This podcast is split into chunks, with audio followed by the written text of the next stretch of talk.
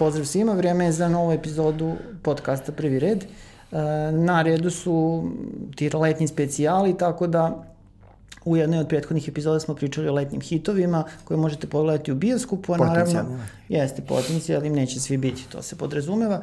A danas pričamo o serijama koje su dostupne kod nas, koje možete pogledati, uglavnom streamovati i koje zavređuju pažnju definitivno. Znači idemo sa onim, da kažem, kvalitetnim odabirom, nema nekih kritika gde ćemo nešto odcrniti, nego naprotiv, idemo na naše preporuke.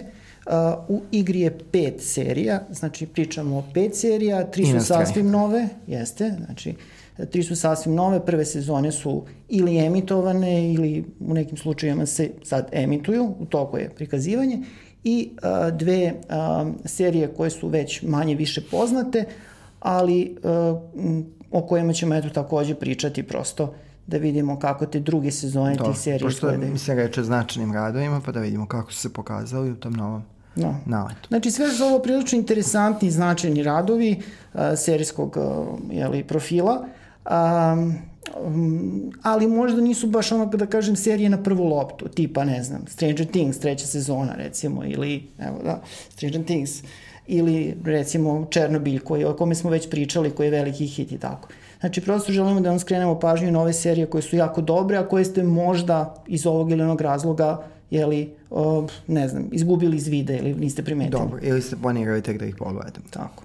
A nadamo se da ćemo posle ovog našeg razgovora o tim serijama kod vas izadati tu želju da ih definitivno pogledate. Šta je prvo? Pa hajde da krenemo prvo od jedne britanske serije, zapravo koprodukcije BBC-a i uh, HBO-a. Uh, u pitanju je serija Godine i godine. Veoma zanimljiv koncept, veoma zanimljiv format. Uh, u pitanju je serija od šest epizoda, šest jednosatnih epizoda, a, koja obuhvata, to je, eto, kuriozitet, zapravo 15 godina u životima junaka. Jedne porodice. U životima porodice Lions, porodice iz Manchestera, koji se činjavaju baka, četvoro unučadi, njihovi ljubavnici, da, muževi, deca. Tako da, um, sam koncept zapravo ove serije je nešto što je inovativno i što mislim da u suštini nismo ranije imali da prilike da gledamo na malim ili velikim ekranima. Ovaj, ti me ispravi. Ovaj. Pa sigurno u nekom obliku bilo, ali ovako ne. Ovako kondenzovano čini mi se ne. Uh, serija počinje 2019. radnja počinje, znači negde u ovom trenutku, sadašnjem trenutku. Onda se ubrzava nekoliko godina, uh, jedno recimo 4-5, da bi zapravo svaka nova epizoda bila jedna nova godina. I onda na samom kraju serije u šest epizodi imamo još jedno ubrzanje na kraju. Još se da, značam. Da. da. Tako da, veoma, veoma interesantan koncept. Seriju inače uh, um, um, koncipirao da, Russell, T. Davis. T. Davis, jeste, koji ja mislim pre svega poznat po seriji uh, Queer as Folk. Da, ali radio je doktora Who, što je jako inače značajno, budući da ova serija kao kombinuje taj deo Da, Dra, imamo taj... Porodičnih hronika, drams, naglašan dramskih serija i neke kao fan, fantastične ove ovaj, elemente. Da, sa tim likovima koji su onako prilično raznovrsni da. i što se tiče seksualnog njihovog obreteljenja. Da, mislim, T. Davis, uh, ne samo Queer as Folk, on je poslednjih godina značajan po onome što je uradio na nivou tih miniserija, to, to je ovaj čuveni triptih sad već na te queer teme, uh, Tofu, Banana, Cucumber, mm, a radio je, da, to su sjajne serije. A izvrsna je bila i serija koju je Steven Frears režirao, Russell T. Davis je napisao, Very British Scandal. E, to Veoma smo gledali, britanski jest, da. uh, skandal sa Hugh Grantom i ovim uh, uh, Shom, ne, Bishom, Benom Bishom u glavnim ulogama.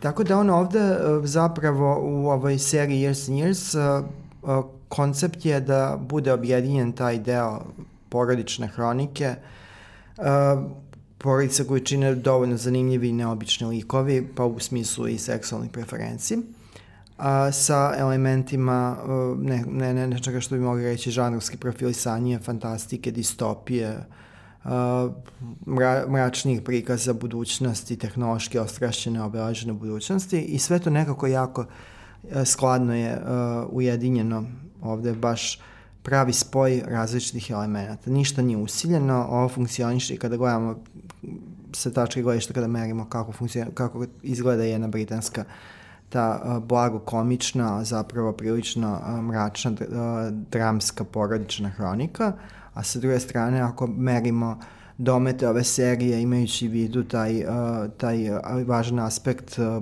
neizvesne, odnosno mračne budućnosti koja nam je tu negde iza ugla, znači koja te, samo što nije počela i koja se ne tiče samo Britaniji, budući da se ovde uh, doznaje da, da se nešto slično uh, događa i uh, širom sveta.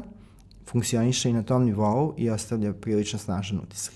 Da, serija zapravo počinje, kažem, 2019. od ove naše sadašnjosti u kojoj živimo, znači Putin, Trump, jeli? Uh, Ovaj, a, Tereza May se ne pominje, čini mi se, ali ne dobro. Ne pominje se zato što ona, očigledno serija je već rađena sa, sa, uh, sa imajući vidu da će Tereza May Otići. odstupiti sa vlasti, jer je ona dugo reterirala na toj uh, poziciji i kreće se upravo tog kao da se Brexit uh, već uh, dogodio. Jeste. I zapravo ideja serije je da se, uh, kao, nema sa tu vanzemaljaca, ne znam nija čega, znači ne ide se u tu vrstu fantastike, A, mislim, zapravo ovo i nije fantastika per se, mislim, mogli Dobro, bismo ima, o tome pričati. Ima, da, ima dobar upliv da. tog, a, a, tog dela priče o, teh, o napretku tehnologije, da. prilično zastrašujućem i o, tu ova serija stupa negde u Rimu sa ovaj, serijom Crno Black. Mirror Crno gledalo. Znači, tako da se ovde kombinuju neki različiti elementi, ta negde kao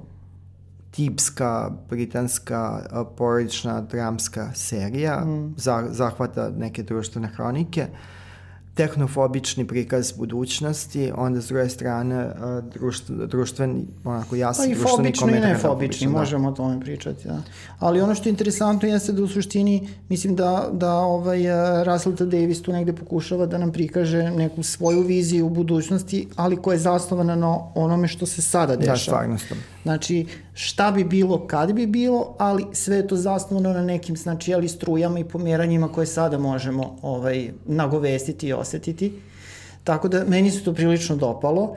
A, prikaz Evrope, prikaz sveta čitavog jeste da mračanje, a, srećom onako junaci su dosta onako živopisni, živopisni živahni, tako da oni malo ovaj, to mračilo teraju. A, ali generalno ono što nam je recimo to Davis pripremio u ovom periodu od 2019. pa do 2030 i neke, boga mi, Srbija se ne pominje, je li, nijednom da, rečju. Da, ali dobro, da, veći deo sveta da. je abstrahovan uh, u tim uh, televizijskim izveštajima koje junaci gledaju mm. ili slušaju, zapravo ključni igrači su tu ovaj Da, naravno. Fokus, Britanija, je jasno, oni Britanija, u fokusu. Kina, Rusija, Amerika. Amerika, da. da. Tako da Britanija naravno iz uh, poriva etnocentrizma budući da je britanska serija u pitanju. Ali meni je jako značajno da... Imamo Španiju. Da, i Španiju. Španija kao ne jak igrač, nego kao, uh, mislim, geografsko područje na kome se dešava jedna važna, uh, važna epizoda unutar jedne epizode. Ovaj, uh, meni je značajno sa druge strane da, iako on nije sarađivao na seriji, da ova serija naprosto odiše duhom proze Davida Mitchella. Mm. I uh, oni koji su čitali Davida Mitchella, a on je dosta prevođen i na srpski, mm, mogu zapravo možda biti izbunjeni, ovaj, kao da gledate ekranizaciju nepostojećeg romana ili, ili adaptaciju ne, nepostojećeg scenarija Davida Mitchella, gde je svet, zapravo britanski svet prikazan na onako karakteristično Mitchellovski način, a onda opet ima i tog upliva pogleda u budućnost koji je u nekom drastičnijem smislu prikazan u čuvenom Mitchellovom atlasu oblaka. Tako da ovaj, uh, ova serija mi je bila zanimljiva i, uh, i na nivou tih nekih asocijacija, referenci, a David Mitchell je ovde, to je, to je, pošto je Mitchell voljen pisac kod nas, čak je doživao i omaž u jednoj srpskoj seriji prilično temeljan. Uh, uh, u državnom da, službeniku. U državnom službeniku. Uh, važno, je ovaj, uh, va, važno je i to istaći da ova serija može i takako da prija i da privuče i one koji, uh, koji ovaj, uh, nisu ubeđeni ovim što smo mi pričali, ali zapravo vole Davida uh, Mitchell. Jeste, dobra jako serija i naravno dosta toga je ovaj, uh, um, zasnovano i na tom glumačkom šaromu i glumačkom umeću koji je da. ovde jeli, primenjen.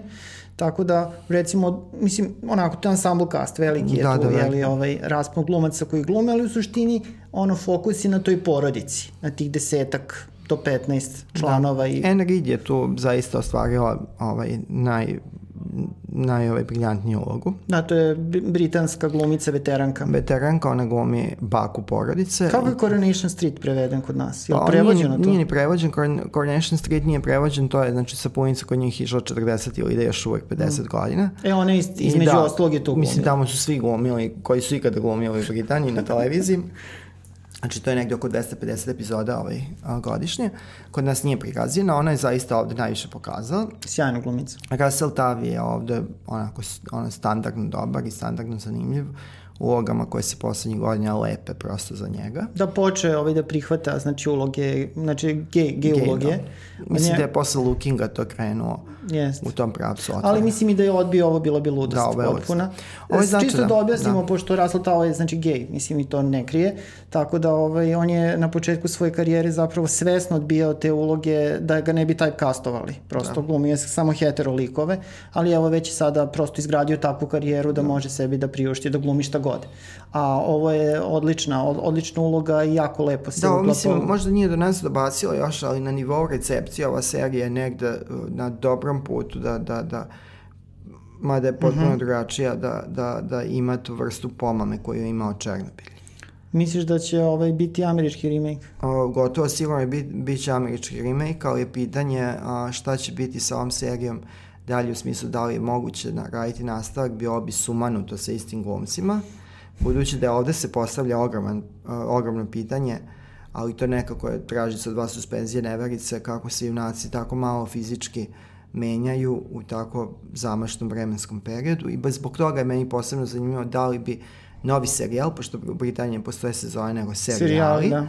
da li bi novi serijal ove serije ovaj krenuo sa novom porodicom, novom postavkom, a opet, da li je to moguće imajući u vidu da je u prikazu društvenog, društvenih promjena i stanja dosta toga obuhvaćeno, nije ostalo rupa. U tom delu priče Emma Thompson je stvarila očekivanu značajnu ulogu i ovde je zanimljivo, eto meni, ovaj, verovatno zbog onoga čime se inače bavim, kako Emma Thompson menja jezičke registre tokom serije, kada tokom kampanje, ona je, ona je političarka u naletu, tokom kampanje izražava se radničkim kok, nekim varijacijama koknija, da bi u trenucima kada je sa svojim saradnicima ili sama u tim intimnim vratila se tom britanskom kraljevskom engleskom, što kao zapravo podcrtava tu sklonost političara da podiđu a, plebesu i a, širom glasačkom telu. Ali ovde možemo negdje da završimo, a da smo se saglasili da je ovo zaista izvanredna serija. Znači, najtoplija preporuka, onako, ambicioznije Šest, da, malo, da, u šest smislu jednostavnih sadržaja, epizoda, da. ali zaista izvanredna serija i vidjet ćete nešto drugačije, Da. što je veliki kompliment kada Naravno. pričamo o serijama. A, e šta je sad, sada? Ajmo na euforiju da pređemo. Da. O euforiji se dosta piše i priča ovih Da, poslednjih mi smo i pominjali Euforiju u jednom trenutku u jednom od ranijih uh, podcastova, budući da uh, pevačica Zendaya, Sad možemo reći glumica. Da, glumica, gu, uh, koju, koju smo gledali, koju ovih dana i sedmice gledamo i u novom Spider-manu. Tako je. Ovde tumači, ako ne glavnu, a ona jednu od uh, 3, 4, 5 glavnih uloga. Ja mislim i pod glavno, pošto je Da, mislim ansambl, ali nekako fokus i na njoj. U pitanju je tineđerska serija, serija koja se bavi životom srednjoškolaca u Americi i mislim takvih serija ima mali milion, mislim to nije mislim ništa sporno, Naravno. ali opet s druge strane serija se prikazuje na HBO-u što je otvorilo mogućnost za malo malo više sadržaj, da. Tako je. U tom kontekstu serija je izazvala i kontroverzu, zato što kao dosta su se ljudi pobunili, roditelji zabrinjeni, zab, zabrinuti i tako dalje, da je ovaj, prosto je tu, tog, samo tokom jedne epizode, mislim da to druga bila recimo epizoda, prikazano 30 muških polnih organa na ekranu. Da, ali da, da, ako ćemo da budemo pošteni reći o brzoj montaži gde se ti prizori smenjuju u Ali ima nanosekundi, eksplicitnosti. Znači, tako da nije da, je neko, da, da smo gledali po minut svaki od. Dobro, ali či- čisto da, Da ne bude zavod, da. znači serija je veoma eksplicitna. Veoma eksplicitna, da. uh, uh, ona je inače, kako smo rekli, uh, prepravak izraelske Jeste. izraelske serije i to je prilično zanimljivo, jer evo Izrael ima definitivno ogroman upliv u američki serijski program, znači posle Homelanda, mm. a, posle In Treatment na terapiji mm. koja je doživao i srpski prepravak. Čak i srpski. Da. A, posle Tiranina, opet ovde negde imamo znači, a, izraelsku, ovaj, izraelsku seriju koja se a, u ovom slučaju odlično nakalemila na, na te američke kulturološki prostor i kontekst. Da, kaže da je ovaj, Sam Levinson, inače sin poznatog Sin režisera, Levinsona. režisera Barry Levinsona, a, koji pod, potpisuje većinu epizoda Da, on je kreator serije. serije, to jest on je u ovoj američkoj, američki. u američkoj verziji, da on dosta ipak to promenio u odnosu na taj izraelski predložak, a, da je izraelski predložak ipak bio mnogo manji i eksplicitan i Dobro, kontroverzan. Mislim, dobro, i produkcija na definitivno na nižem nivou, budući da je ovo Da, vrhunska da. produkcija i da ova vrsta montažnih uh, zahvata uh, ne bi bila moguća. Ali fokus je zapravo isti, znači imamo tu generaciju Z ili generaciju Z, o kojoj se dosta priča u poslednje vreme, znači to je jedna generacija, ajde nećemo reći bez budućnosti, ali znači prosto mladi ljudi Sve koji generacije bez izgleda da tako kada krenemo unazad i, i, i gledamo, a, a opet sve imaju neku budućnost. A, Nekakvu. Da. A, to je znači a, priča o mladima koji jako vole da se drogiraju, vole da se seksaju, vole da idu na društvene mreže Gle i koji, da, i koji u suštini nemaju neku jasnu sliku šta će da urade sa svojim životima. Onako su prilično besciljni tu. A, tako da sama ta činjenica ovu seriju čini dosta mračnom. A, dosta tu nekih uticaja može da se primeti, čini mi se, znači dok smo gledali evo ovih prvih recimo četiri epizode, koliko smo stigli da pogledamo do sada, inače serija ima, ako se ne varam, a mislim da se ne varam, ovaj, um, osam epizoda ukupno, znači tu smo negde na Da, ali polovini. probijaju minutažu sa, Da. čak ide se preko sata, tako da. Da, pa dobro, mislim HBO ima ovaj sada običaj u poslednje vreme koji je dosta zanimljiv, i ja ga podržavam. Znači na kraju epizode ima onaj kratak jedan razgovor sa da, autorima, da, da. jeste. Kao šta će biti u sledećoj epizodi, ali si i priča o toj epizodi koja je emitovana. Da, iz, iz pozicija nekog- učesnika. i Jeste, kratkog Da. intervjua. Ove, tako da je to ono sat programa definitivno. A, produkcijno je jako dobro urađeno, znači to je onako baš... Ali na nivou uticaja. Na nivou uticaja, mislim, dosta različitih, različitih uticaja ima. Uh, Harmony Corinne, uh, Larry Clark, uh, sve su to neki odjeci koji se Da, tu da. mogu prepoznati. Iskreno rečeno, ovaj, mene je ova serija podsjetila na još mračniju, recimo, verziju Riverdale-a, koja je aktuelna serija i dosta... Ovaj, Da, mislim da je ovde, pošto se kao Skins nameće kao prva referenca, nije ovo, ovo Skins kreće u izrazito verističkom nekom ključu. A meni je prva asocijacija na, na stil izraz kojim je rađena Euforija uh, uh, bila je uh, jedan film, a to nije film Assassination Nation, na osnovu kog je Sam Levinson dobio priliku i zaslužio priliku da radi ovako nešto zamašno.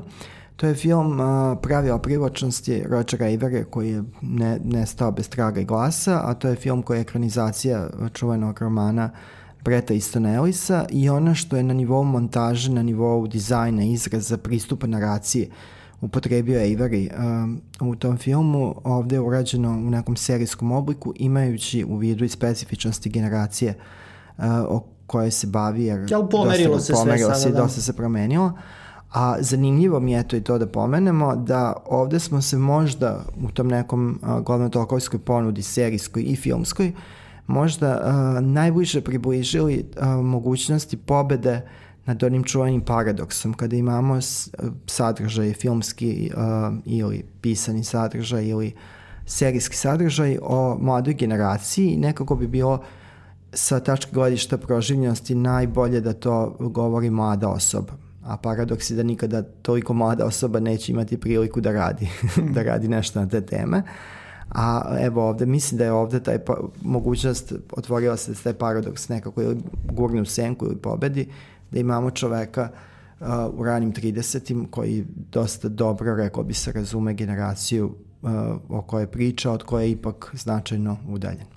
Da, Sam Levinson je inače dosta svojih nekih ličnih iskustava, srednjoškolskih i uopšte ove, iskustava tokom odrastanja um, inkorporirao ovu, u ovu seriju, znači nije tajna da je on sam imao problema sa drogom, tako da taj, ajde da kažemo, glavni lik Da, koji je nešto, tumači znači, Zendaya je zapravo ovaj, dobrim delom njemu. zasnovan na njegovim tim nekim iskustvima sa narkoticima. A um, takođe, eto iz tih nekih intervjua koje sam ja gledao, a, koji govore o ovoj seriji, a, on je zapravo razgovarao sa svojim glumcima i njima davao neku mogućnost da neka svoja iskustva zapravo inkorporiraju u scenariju serije. Znači, prosto da bi to učinio autentičnijim To, to je i neki radioničarski pristup Tako je. poslednjih godina, je. ovaj, poslednjih decenija se primio. Uh, Sam Levinson se preporučio filmom Assassination Nation koji je negde u, nacija uh, ubica, profesionalnih ubica, koja je negde blizak ovde po tom nekom ovaj uh, turobnom prikazu, ovaj uh, prikazu beznađa mlađe generacije, da, to je njegova druga režija. Ali tematski ova druga režija je mnogo bliža da, zapravo da. ovom. A zapravo on je sin i to što smo pomenuli Barry Levinson koji je kod nas nepoznatiji po tim filmovima kao što su Kišni čovek, zapravo koji je uh, mimo Kišnog čoveka i tih nekih glavnotokovskih filmova koji su prilično diskutabilni sa ove tačke gledišta na nivou kvalit, priča kvalitetu. Uh, imao i nekoliko po, zanimljivih generacijskih filmova, na primjer njegov rani film The Diner prikazuje takođe mladu generaciju uh, koja nije ostalo ove, mnogo, mnogo ove, lepih mogućnosti za, za dalji razvitak, tako da sin se vraća znači, na neke očeve postavke priče o odrastanju i ovo je zaista izvanredan ovaj rad i HBO eto uspeo da se resetuje posle kraja uh, Game of Thrones da je u kratkom periodu ponudi ovaj, neke potpuno drugačije sadržaje za potpuno drugačiju publiku, a, a da možemo reći da, da ti novi sadržaj bio bi dobro da se nastave, jel? u smislu da Černobil ne može biti nastavljen. A, mislim da Euforija pokazuje ovaj potencijale da doživi drugu sezonu, može čak i sa drugim junacima. Da. To bi bilo sasvim prirodno, budući da po, postoji negde biologija koja nas uči da svi u nekom trenutku, makar fizički, moramo no, Zavisi da li će se ostati u tom srednjoškolskom miljeu ili će se možda da. ići dalje. Ali ono što isto to bitno jeste Tenzende je ovde pokazala, znači zaista, mislim ona je to već i ranije da, da, pokazivala, ali Ovo je sjajna uloga, ovaj, glumi Mod Apato, inače čerka Jude Apato. Čerka Jude Apato je Leslie Mann. I Leslie Mann jeste, znači dete iz glumačke porodice, iz filmske porodice. I kad smo kod Stranger Things, ovde opet imamo, a to je sad postala negde stavka obavezna u filmovima i serijima, imamo novi lik koji bi mogao da parira čuvenoj Barb iz Stranger Things. Da, a zanimljivo je zapravo da se glumica koja glumi taj lik Kat, Kat. zove Barb Ferreira. Barb Ferreira, da. Tako da, ili Barbie zapravo Dobro. Ferreira. Ajmo da vidimo šta nam je treća. A, treće, treća sreća ili ne? Pa sve su sreće sve su zapravo. Sreće, da. Jeste. Pa ajde da ostanemo u tim domenima novih serija. Da. A, treća serija je zapravo serija Jet, a, koja se isto emituje sada, znači, ovaj, as we speak, kako bi rekli ovaj, Amerikanci. A, u ovom trenutku. Da, znači u ovom trenutku se emituje tako da eto, kao i euforiju je zapravo nismo završili, stigli smo tu negde do pola otprilike. Dobro, ali da. nazire da. se kada je reč o kvalitetu, nazire se jasno apsolutno, već od početka. Apsolutno. Znači, serija a, je interesantna po tome što predstavlja novu saradnju, ali zapravo prvu serijsku saradnju a, Karle Gugino, sjajne glumice, znači ovaj, čiji uh, rad pratimo već jako dugo. Da, ona je već tu 20 da. kusor godina. Izvanredna zaista glumica, jedna od mojih omiljenih, iskreno. I njenog uh, dugogodišnjeg životnog saputnika Sebastijana Gutierreza jeste, koji je već režirao ovaj, Karlo Gugino u čitavom nizu da, filmova. Mislim da on nije ništa ni radio bez nje. Po, možda po nešto, da, ali da, u suštini. Da, ovaj, da ne dajemo izgleda ovaj, da, da radi bez nje. Znači, to je zaista niz filmova, uglavnom B produkcije, ali izuzetno zanimljivih, kao što su She Creature, Electra Lux, Elizabeth Harvest je najnoviji iz tog, iz tog niza. Da, mada mislim da je ovde zapravo najvažniji njihov prvi zajednički film Spider's Kiss. To je bio ta, taj uh, poster... Judas, Judas. Judas Kiss, Judas Kiss, uh, to je bio njihov post-Tarantinovski thriller. Jel beš i tu Emma Thompson glumi? Uh, da, Emma Thompson glumi tu. vidiš spona. Uh, glumi Simon uh, Baker, ovaj iz mm. Nestašne godine i kasnije iz Mentalista i uh, glumi Jill Bellows koga, koga gledamo Upravo ovde. i u ovaj I jet. ako se ja dobro sećam, tu je odličnu ulogu u jednu epizodu imao nemački glumac Til Schweiger. Dobro, to je lep, I taj film je, taj film je u nekom žanrovskom i stilskom smislu jako važan za razumevanje onoga što Jet nudi. A Jet je, da pomenemo i to, nova serija u ponudi HBO koja zapravo nije rađena za HBO i vidi se da je produkcija to ipak B klasa, nego je rađena za uh, HBO uh, pod, uh, pod kanal Cinemax, Cinemax. Sa HBO-ovu sestru. Uh, sestru, se, uh, rođaku ovaj, uh, Cinemax, odnosno Cinemax, gde je otvoren prostor za uh, sadržaje sa tim nekim radikalnim ili drastičnim, sa, drastičnim uh, uh, odnosom prema nasilju i seksu. Pa dobra referenca je bio, na primjer, Cinemaxova serija Banshee, gde je sve prošto da. a, da, koju, koju To sjaj- poslednje da, sezone, Da, da. A, gde je zapravo sve pršto od seksa i tog nekog hipertrofiranog naselja. A, Jet se kreće tu i ovde ima čak nekih, na trenutke u Jetu ima nekih a, nekih, nekih segmenta gde, gde se vidi da je to insistiranje na nasilju a, malo prenaglašeno baš da bi se opravdao I na golotinji. na Golotinji, baš da bi se opravdalo prisustvo ove serije u, u Cinemaxovoj ponudi. Ali mimo toga, znači, a to je važno uh, zbog Judas Kiss, ovo je kao neo-noir priča sa jakim centralnim uh, ženskim likom koji, eto, na, nasuprot toj noir tradiciji nije dama u nevolji, nego dama koju prati nevolja, ali koja je prilično drčna borbena i koja se sa nevoljama uh, na, ne, na kraju dana uh, dosta dobro nosi. Baš onako kako mi Da. volimo to da... Tako da, ovaj, a, znači, za ljubitelje, a, za ljubitelje neo-noara ovo je pravi pogodak, znači nije vrhunska serija, produkcija nije nešto domaćinska, ali nudi sve one sastojke koje treba jedna, ovaj, jedan takav sadržaj da ima, a na, na povrh svega tu je Kara Guđino a, u punoj formi, pune lepoti, sjajno glumačkoj, sla- sjajnom glumačkom izdanju i snimljena okom, odnosno vod, u priči koju vodi čovek koji očigledno voli da, da, da je snima i gleda.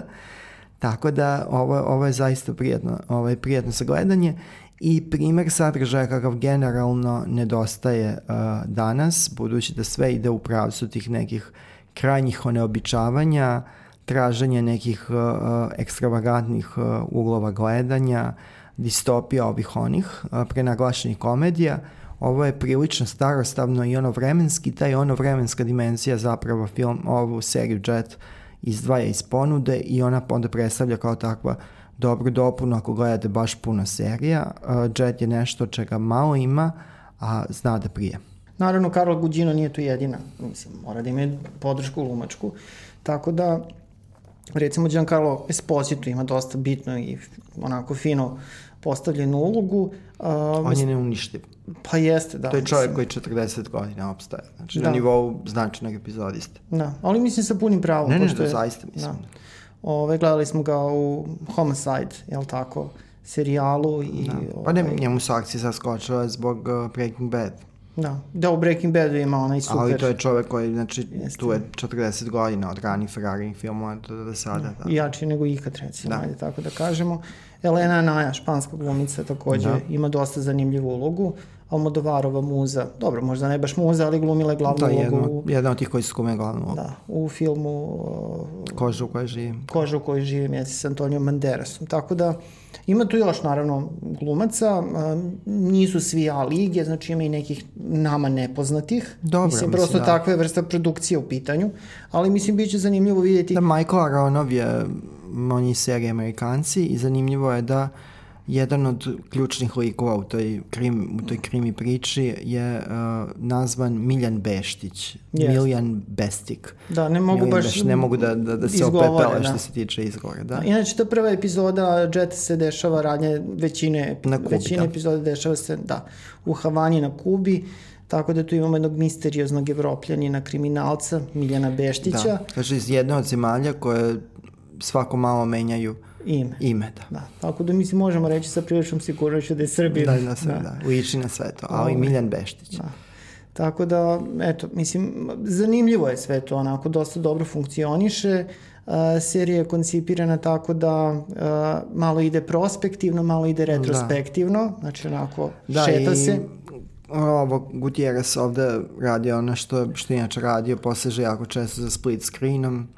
Generalno on se još od tog Judas Kiss poljubca jude uh, negde se ovaj, našao u tom post-tarantinovskom modu i to je ovde primetno. Da li dosta se ovo već udaljilo od Tarantina? Da, Tarantina, uh, likovi često izbacuju te neke pošalice i tako nešto, ali nema onih rentova, tako tirade koje imaju Hmm. Tarantino likove. Generalno može se reći da oni dalje ostaje u tom neo-noir ključu koji možda nije baš direktan eho uh, Quentin Tarantina koliko uh, Elmara Leonarda i njegovih romana. To bi Recimo, možda to bi i, preciznije. i, da, i imajući u vidu Jet kao taj prominentan ženski lik, mislim da je Leonard kao stilske reference, iako iz književnosti ovde uh, precizniji. Daisy Kowalski, zvana Daisy Jet. Kowalski zvana Jet.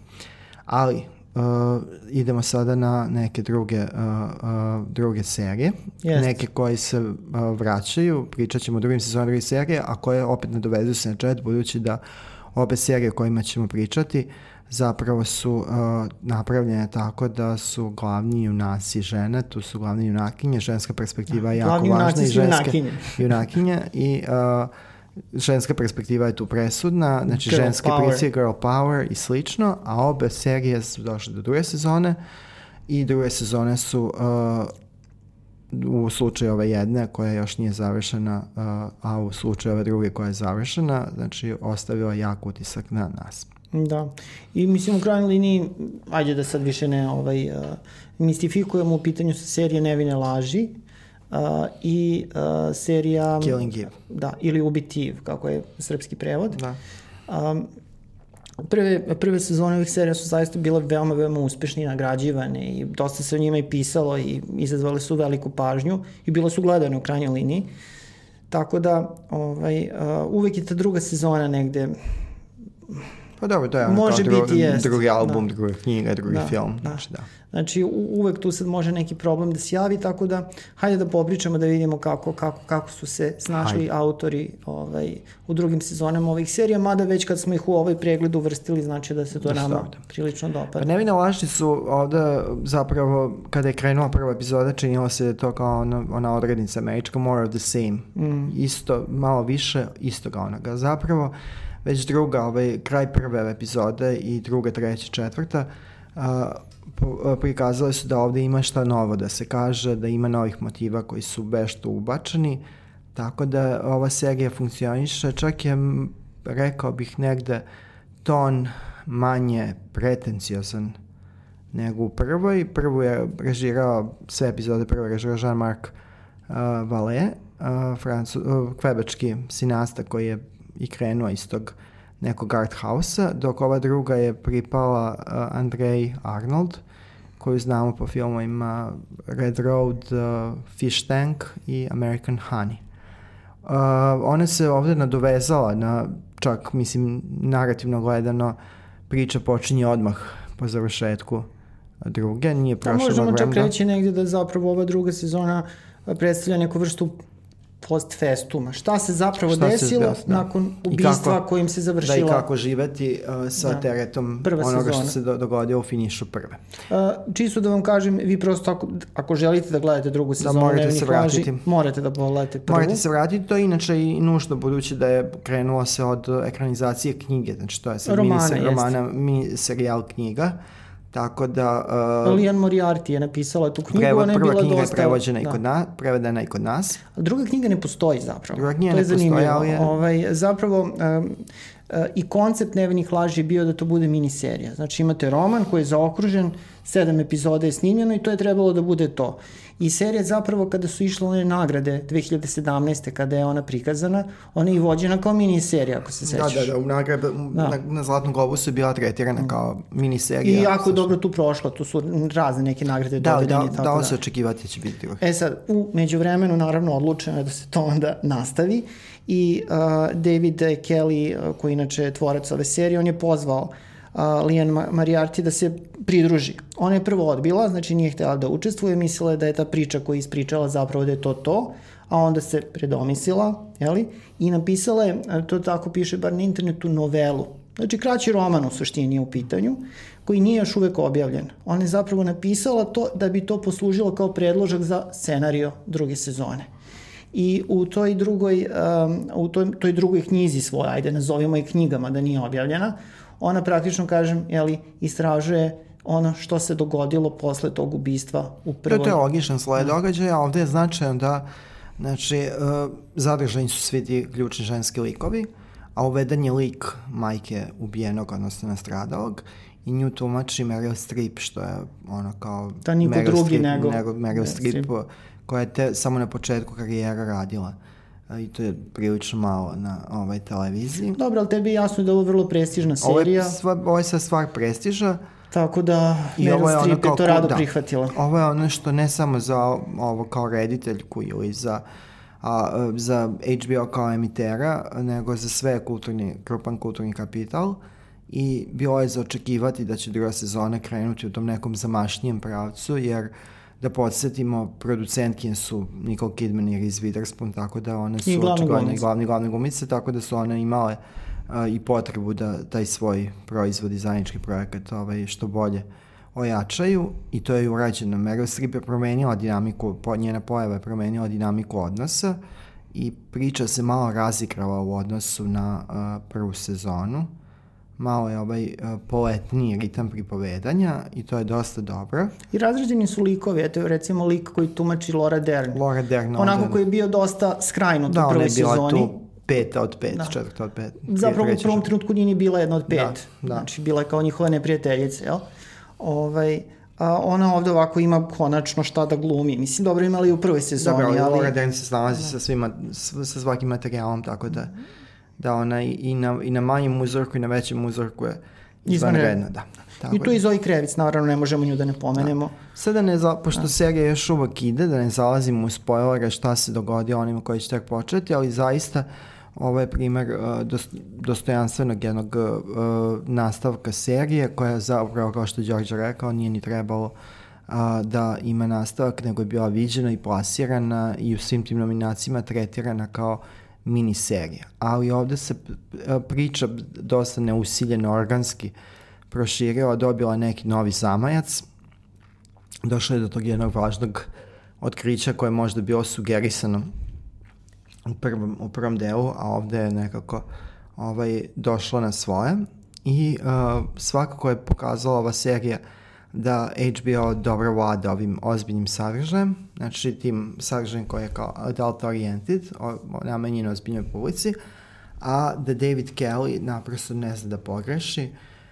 On je kreator, producent uh, uh, serija Ellie McBeal, i još uh, mnogih drugih, Boston Legal, i u čemu god da se okuša na planu televizije, on je bio on je za odlične rezultate, a inače reč je o dugogodišnjem životnom partneru, vjerojatno i zvaničnom suprugu Michelle Pfeiffer, tako da je meni bio malo rebus zašto se Michelle Pfeiffer nije pojavio u toj ulozi kada je bio priča da će se pojaviti majka a, lika koji tumačio. Možda neće da mešaju da. privatno i poslovno. Da, ali ovaj Meryl Streep nije dostojna zamena, Meryl Streep je uh, kosmos za sve, tako da i ovde... Pa služi, i pisane uloga za nju, da. tako da...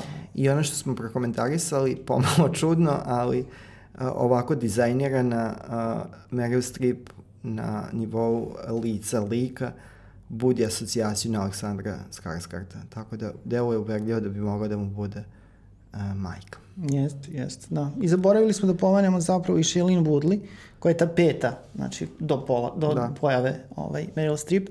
Ovaj, a, znači, tako da ovo zapravo je neka vrsta asocijacije na, na seriju 5 Balša da. Đoge, sa pet jakih žena. O kojoj smo pričali. U više navrata. Da, više navrata da. i pre, pre neka dva meseca dosta detaljno sa rediteljem. Da, da. Pogledajte taj podcast ako niste. Baš Đog. Ovaj, inače, naravno moramo da vidimo do kraja kako će se to razvijati. Mislim, da, na tom ovaj, produkcijom nivou da, ovaj to nema šta da se priča. Celine, mislim, da, to pitanje je, celine, da. tako da, da i treba pričati kad neki krajnji sud izvojiti tek kada se sve da. zakroši. Lome se stvari, lome, lome se, znači, ono, svašta se tu još može desiti. Ovaj, mada onako nekako malo čini mi se svedenija ova druga, što si ti rekao manje pretencijozna, manje bombastična ova druga sezona, što meni negde i prija. A, vrlo se na likove pazilo, znači da svaka glumica dobije tu, da ima šta da glumi, znači ovaj, prosto, ne znam, Niko Kidman, lik koji ona tumači se bori sa gubitkom muža, koji je istovremeno izlostavljao, ali koga on istovremeno i volela, znači koji sad nedostaje. Dobro, i koji je uzbuđivao Tako svojim je. nasilnom prirodom. Reese Witherspoon ima problema u braku velikih, koji su zapravo inicirani u prethodnoj sezoni, a sada eskaliraju negde. Tako da, ovaj, ve, veoma, veoma zanimljiva postavka, jako dobra glumačka ekipa u produkcijnom smislu, retijskom, sve da, to. Da, to je sve Jeste.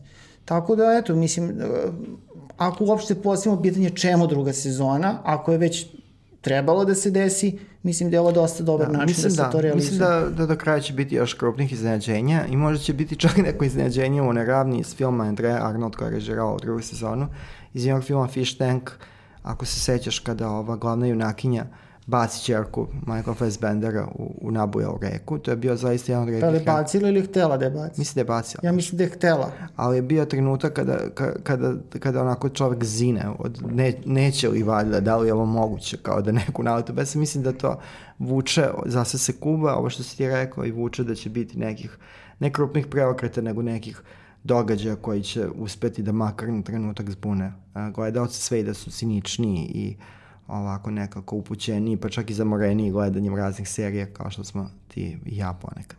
Tako je. Da. Ali ajde sada za petu, uh, petu da uh, iskažemo utiske o petoj, to je druga, ovde pričamo o, o ponovo drugoj sezoni, drugoj sezoni britansko-američke serije Killing Eve. Jeste, Ubiti Eve, druga sezona. Inače, ova serija sad već postala negde prepoznatljiva i poznata po tome što se zapravo na svakoj sezoni menja showrunner. Ja ne znam, evo, ti si profesor engleskog između ostalog. teško ka- bi bi mogli da, prevedemo Ma ne, mislim da showrunner. ne može, to, to su neki relativiteti koje moramo samo da ovaj, usvojimo kao takve. Glavno komandujući, ali glavno komandujući u seriji to baš deluje kapo, mislim da bi bilo.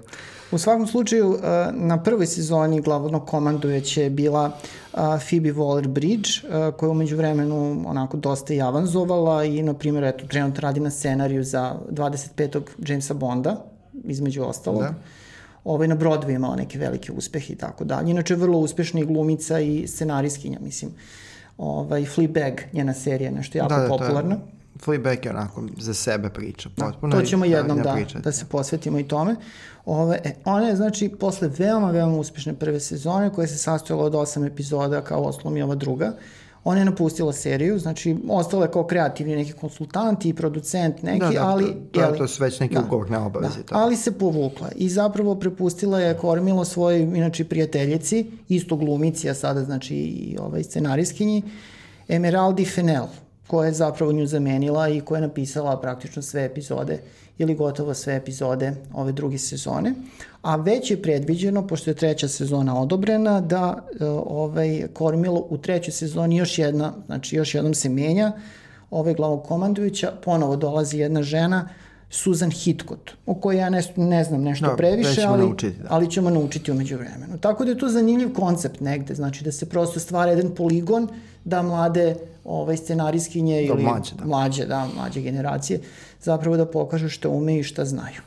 A, prva sezona je bila, mislim da tu nigde nećemo, nećemo pogrešiti ako kažemo, evo ja ću reći veliki, veliki hit i onako da kažem, dok se negde od nevinih laži očekivalo da će biti uspešno, imajući vidu celu tu glumačku podelu, a, u biti Ivi onako nijotkuda se manje više pojavila. Da, ona je i- bila potpuno nepredvidiva. Jeste. I postala ogroman, ogroman hit. Uh, naravno, Sandra Oh, kanadska glumica azijskog porekla je, mislim, već i od ranije poznata sladokusima filmskim i serijskim. Uh, ona je, mislim, u Grenovo, eto, no, Da, ona je u a- Grey's Anatomy je bila stotinama Godinama, da. godina, tako da ovaj. Tako da, znači, nije ona nepoznata, ali prosto mislim da je ova serija negde baš ona učinila međunarodnom zvezdom i možda zapravo i žena koja je najviše profitirala od cele stvari jeste jedna mlada britanska glumica, Jodie Comer, koju smo mi gledali pre nekoliko godina Da, u- i zapazili. Kao najbolju prijateljicu u seriji My Big Fat Diary, da. Jeste. I prosto već u toj seriji smo mi prepoznali tu negde taj neki potencijal koji ova glumica ima. Da, ali ovde čak i fizički je dosta ovaj, zrelija, kao da, da je to da je period u životu kada se iz, Jeste. pređe u, u, u, odraslu doba iz tinejdžerske. Tamo je Jeste. uverljiva kao tinejdžerka, a ovde, Ovde je već zrela žena. Mislim, žena, mlada žena u To ima najboljem zrelu. 26-27 godina otprilike.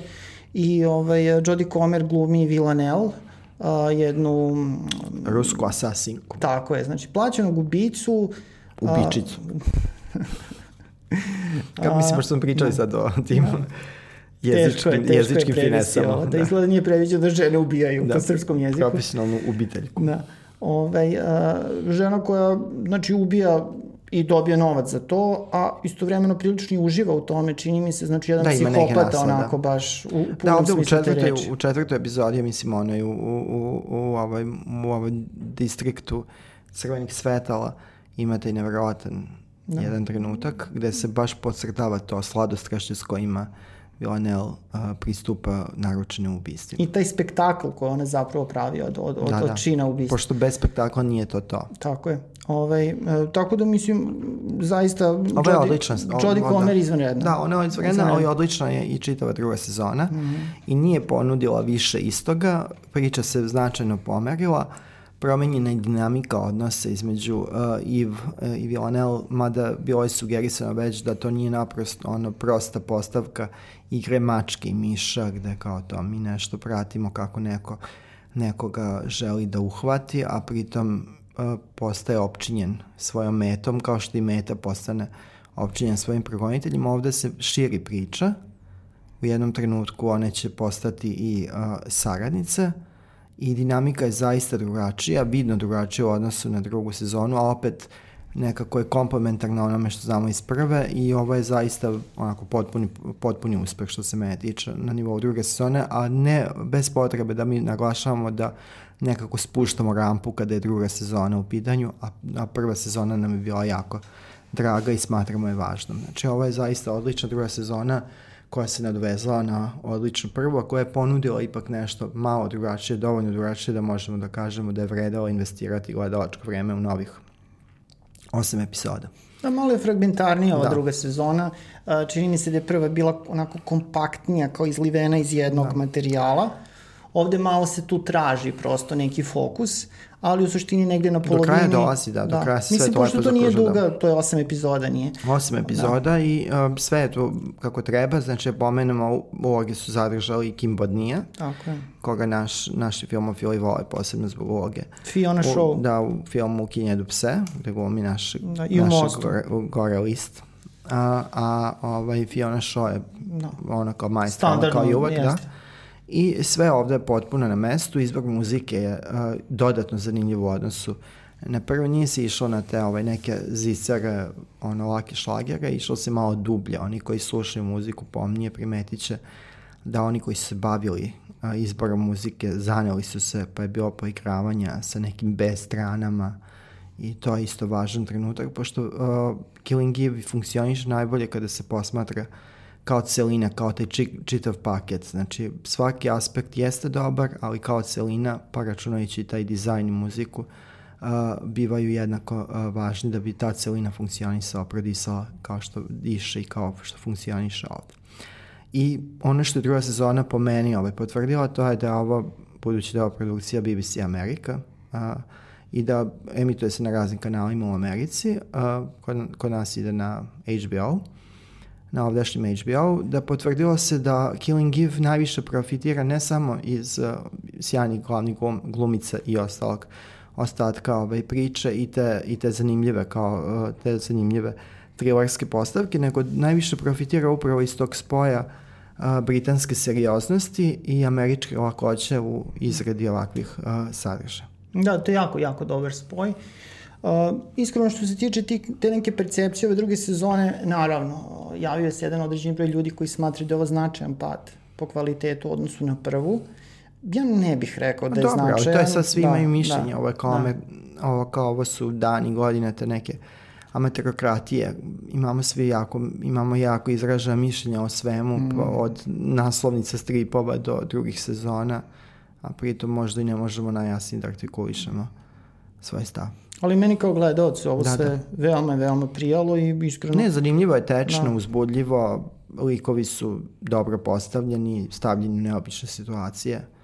Ovo je zaista onaj trenutak kada možemo da kažemo da serije su definitivno novi filmovi, da su serije preuzele pre, pre, primat u odnosu a, a, u odnosu na filmove po, po širini raspona tih motiva, tema, naracija i uh, da ovde u, u slučaju svih ovih pet serija koje smo pričali možemo da kažemo da je, da je dobro živati u ovoj eri što se tiče televizijskog sadržaja, mada eto jedan od glavešina kanala FX je pre par godina na jednom značajnom skupu rekao da se mi zapravo, da je previše televizije u ovom trenutku i da se gledalci guše u sadržajima igranim na uvišku. Mislim da je ovo divno vreme biti gledalac kada naprosto iz godine u godinu dolaze nove serije, a neke kao što su ove poslednje dve pomenute, Nevina laži i Ubiti pokazuju da i u drugoj, trećoj, kasnije sezonama ima šta da se kaže i da to biva vredno pažnje.